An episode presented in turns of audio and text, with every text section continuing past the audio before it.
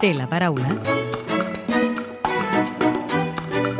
Eulàlia Raguant, eh, diputada de la CUP, a un nou cicle per guanyar. Creu que l'acord de pressupostos entre el govern i el PSC obre un nou cicle polític a Catalunya?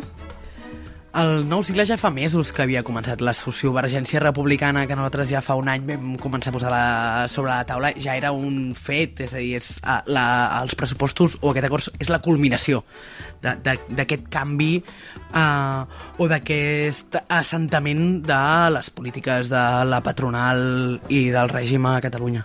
També creu, com Junts per Catalunya, que torna al tripartit? Bé, jo diria que hi ha un tripartit a l'ombra que és eh, Esquerra, PSC i Junts, que són qui fa mesos que es reparteixen eh, cadires i càrrecs al Consell de la Còrpola, a la Indicatura de Comptes, al Síndic de Greuges, ara a la GAIP... Vull que Junts tampoc es pot expulsar la seva responsabilitat d'això. Vostè dona per enterrada la majoria independentista que va investir Pere Aragonès el 2021? La majoria independentista té, té sentit si s'avança cap a la independència i si hi ha unes polítiques clares de defensa de la sobirania i de confrontació amb l'Estat.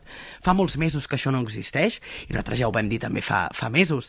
La, sobir... o sigui, la majoria independentista per se no serveix i no és útil, per tant no existeix per fer les polítiques de foment i de la patronal hi ha altres majories. Això no és una majoria independentista. Per tant, fa molt de temps que fins i tot Junts també es va borrar d'aquesta majoria.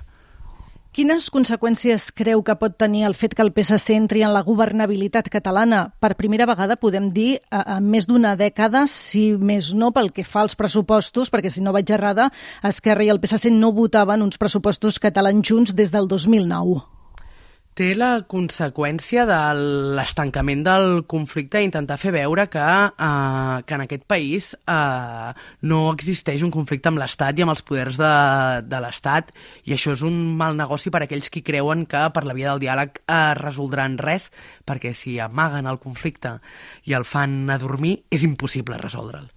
Tant Esquerra com el PSC s'han esforçat molt aquests dies a remarcar que aquest acord pressupostari no és una aliança estable, diuen que no és un pacte de legislatura. La CUP també ho veu així o ho veu una aliança més a llarg termini? Fa molt de temps que voten moltes coses conjuntament i ja m'agradarà veure en els propers mesos com van uh, les votacions, però l'aliança, com deia abans, entre Esquerra, PSC i Junts fa temps que funciona amb segons quines coses. I imagino que el PSC voldrà jugar a la seva geometria variable, que és la de votar coses amb Esquerra i votar coses amb Junts per uh, també posar contra les cordes al govern quan li interessi. En el fons el que s'ha acabat fent és donar-li la clau de tot al Partit Socialista. Creu que amb aquest acord el president Pere Aragonès aconsegueix guanyar almenys un any més de marge i allunyar l'opció d'unes eleccions avançades a Catalunya? Eh, imagino que és per això que han acceptat eh, el quart cinturó, l'ampliació de l'aeroport eh, i d'altres polítiques que suposadament eh, Esquerra no comparteix i que el propi president Aragonès va dir que per principis no acceptaria. Per tant, sí, s'ha saltat els seus principis per allargar un any més al govern. Aquests dies li hem sentit dir a vostè que aquests són els pressupostos més tòxics de la història. Per què? pressupostos de més avions, pressupostos de més totxo, de més ciment, de més cotxes. Això és tòxic per la salut de, uh, de, de les persones perquè sabem uh, en quina situació està ara, per exemple, la qualitat de l'aire, però també és uh, tòxic per les condicions laborals de molts treballadors que veiem que abocats a la indústria o al monocultiu turístic del país són uh, llocs de feina precaris. Per això diem que són, que són tòxics i més tenint en compte que els hi encanta als governs posar-li eh, nom als pressupostos eh, de més no sé què, fa uns anys eren els pressupostos més progressistes de la història, ara estem en els més expansius, nosaltres diem doncs són els més tòxics.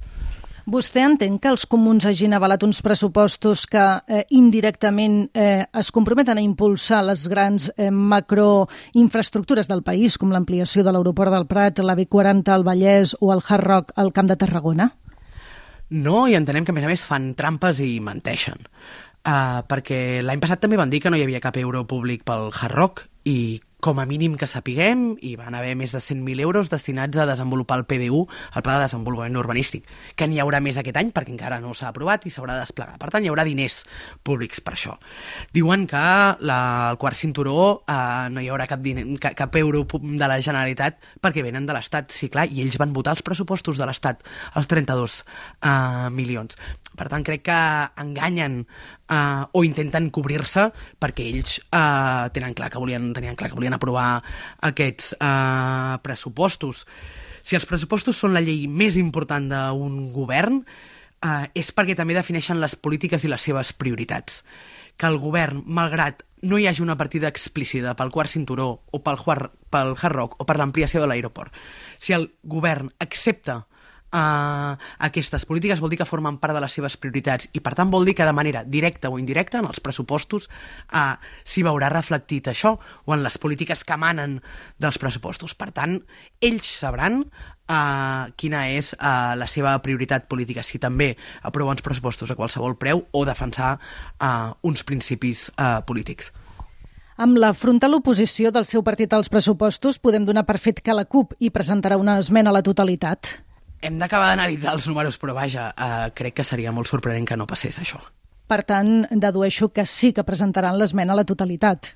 Acabarem de, com dic, d'analitzar-ho, però vaja, eh, tot el que està aflorant, tot el que està sortint, ens porta a dir aquests pressupostos no, la millor manera d'expressar-ho sempre és una esmena a la totalitat. Vostè mateixa va dir aquesta setmana que aquests pressupostos s'hauran de combatre des del carrer. Entenc que està parlant de mobilitzacions. Estem parlant de la gent organitzada, de plataformes, de mobilitzacions, sí. De fet, aquesta setmana ja s'ha anunciat una mobilització en contra del Hard Rock, de la plataforma Aturem el Hard Rock pel dimarts dia 7, una manifestació contra el quart cinturó el dissabte 26 i n'hi haurà més i hi haurà més coses sobre la taula. Fa pocs dies veiem les vagues de sanitat i educació, Uh, Ustec ja s'ha posicionat en contra de l'acord entre el PSC i Esquerra tillant els pressupostos com els pressupostos de la concertada i no de la defensa de la pública, per tant sí, és això. Si li sembla bé, ens endinsem ara ja en el terreny més personal i li demano si pot contestar amb respostes ara al màxim de breu possibles. Què prefereix? Què li agrada més, la política o les matemàtiques? Ho dic perquè, si els oients no ho saben, vostè és llicenciada en matemàtiques jo crec que en, en la política hi ha una mica de matemàtiques també. Uh, a mi m'agraden molt les matemàtiques. I més aquests dies amb la tramitació dels pressupostos. Bé, aquí hi ha poca matemàtica i massa pragmatisme. Quina injustícia social l'enerva més? Uf, uh, n'hi ha masses. Uh, jo diria um, gent sense casa, casa sense gent. Quina música posaria a la Catalunya actual? Antònia Font. Per què?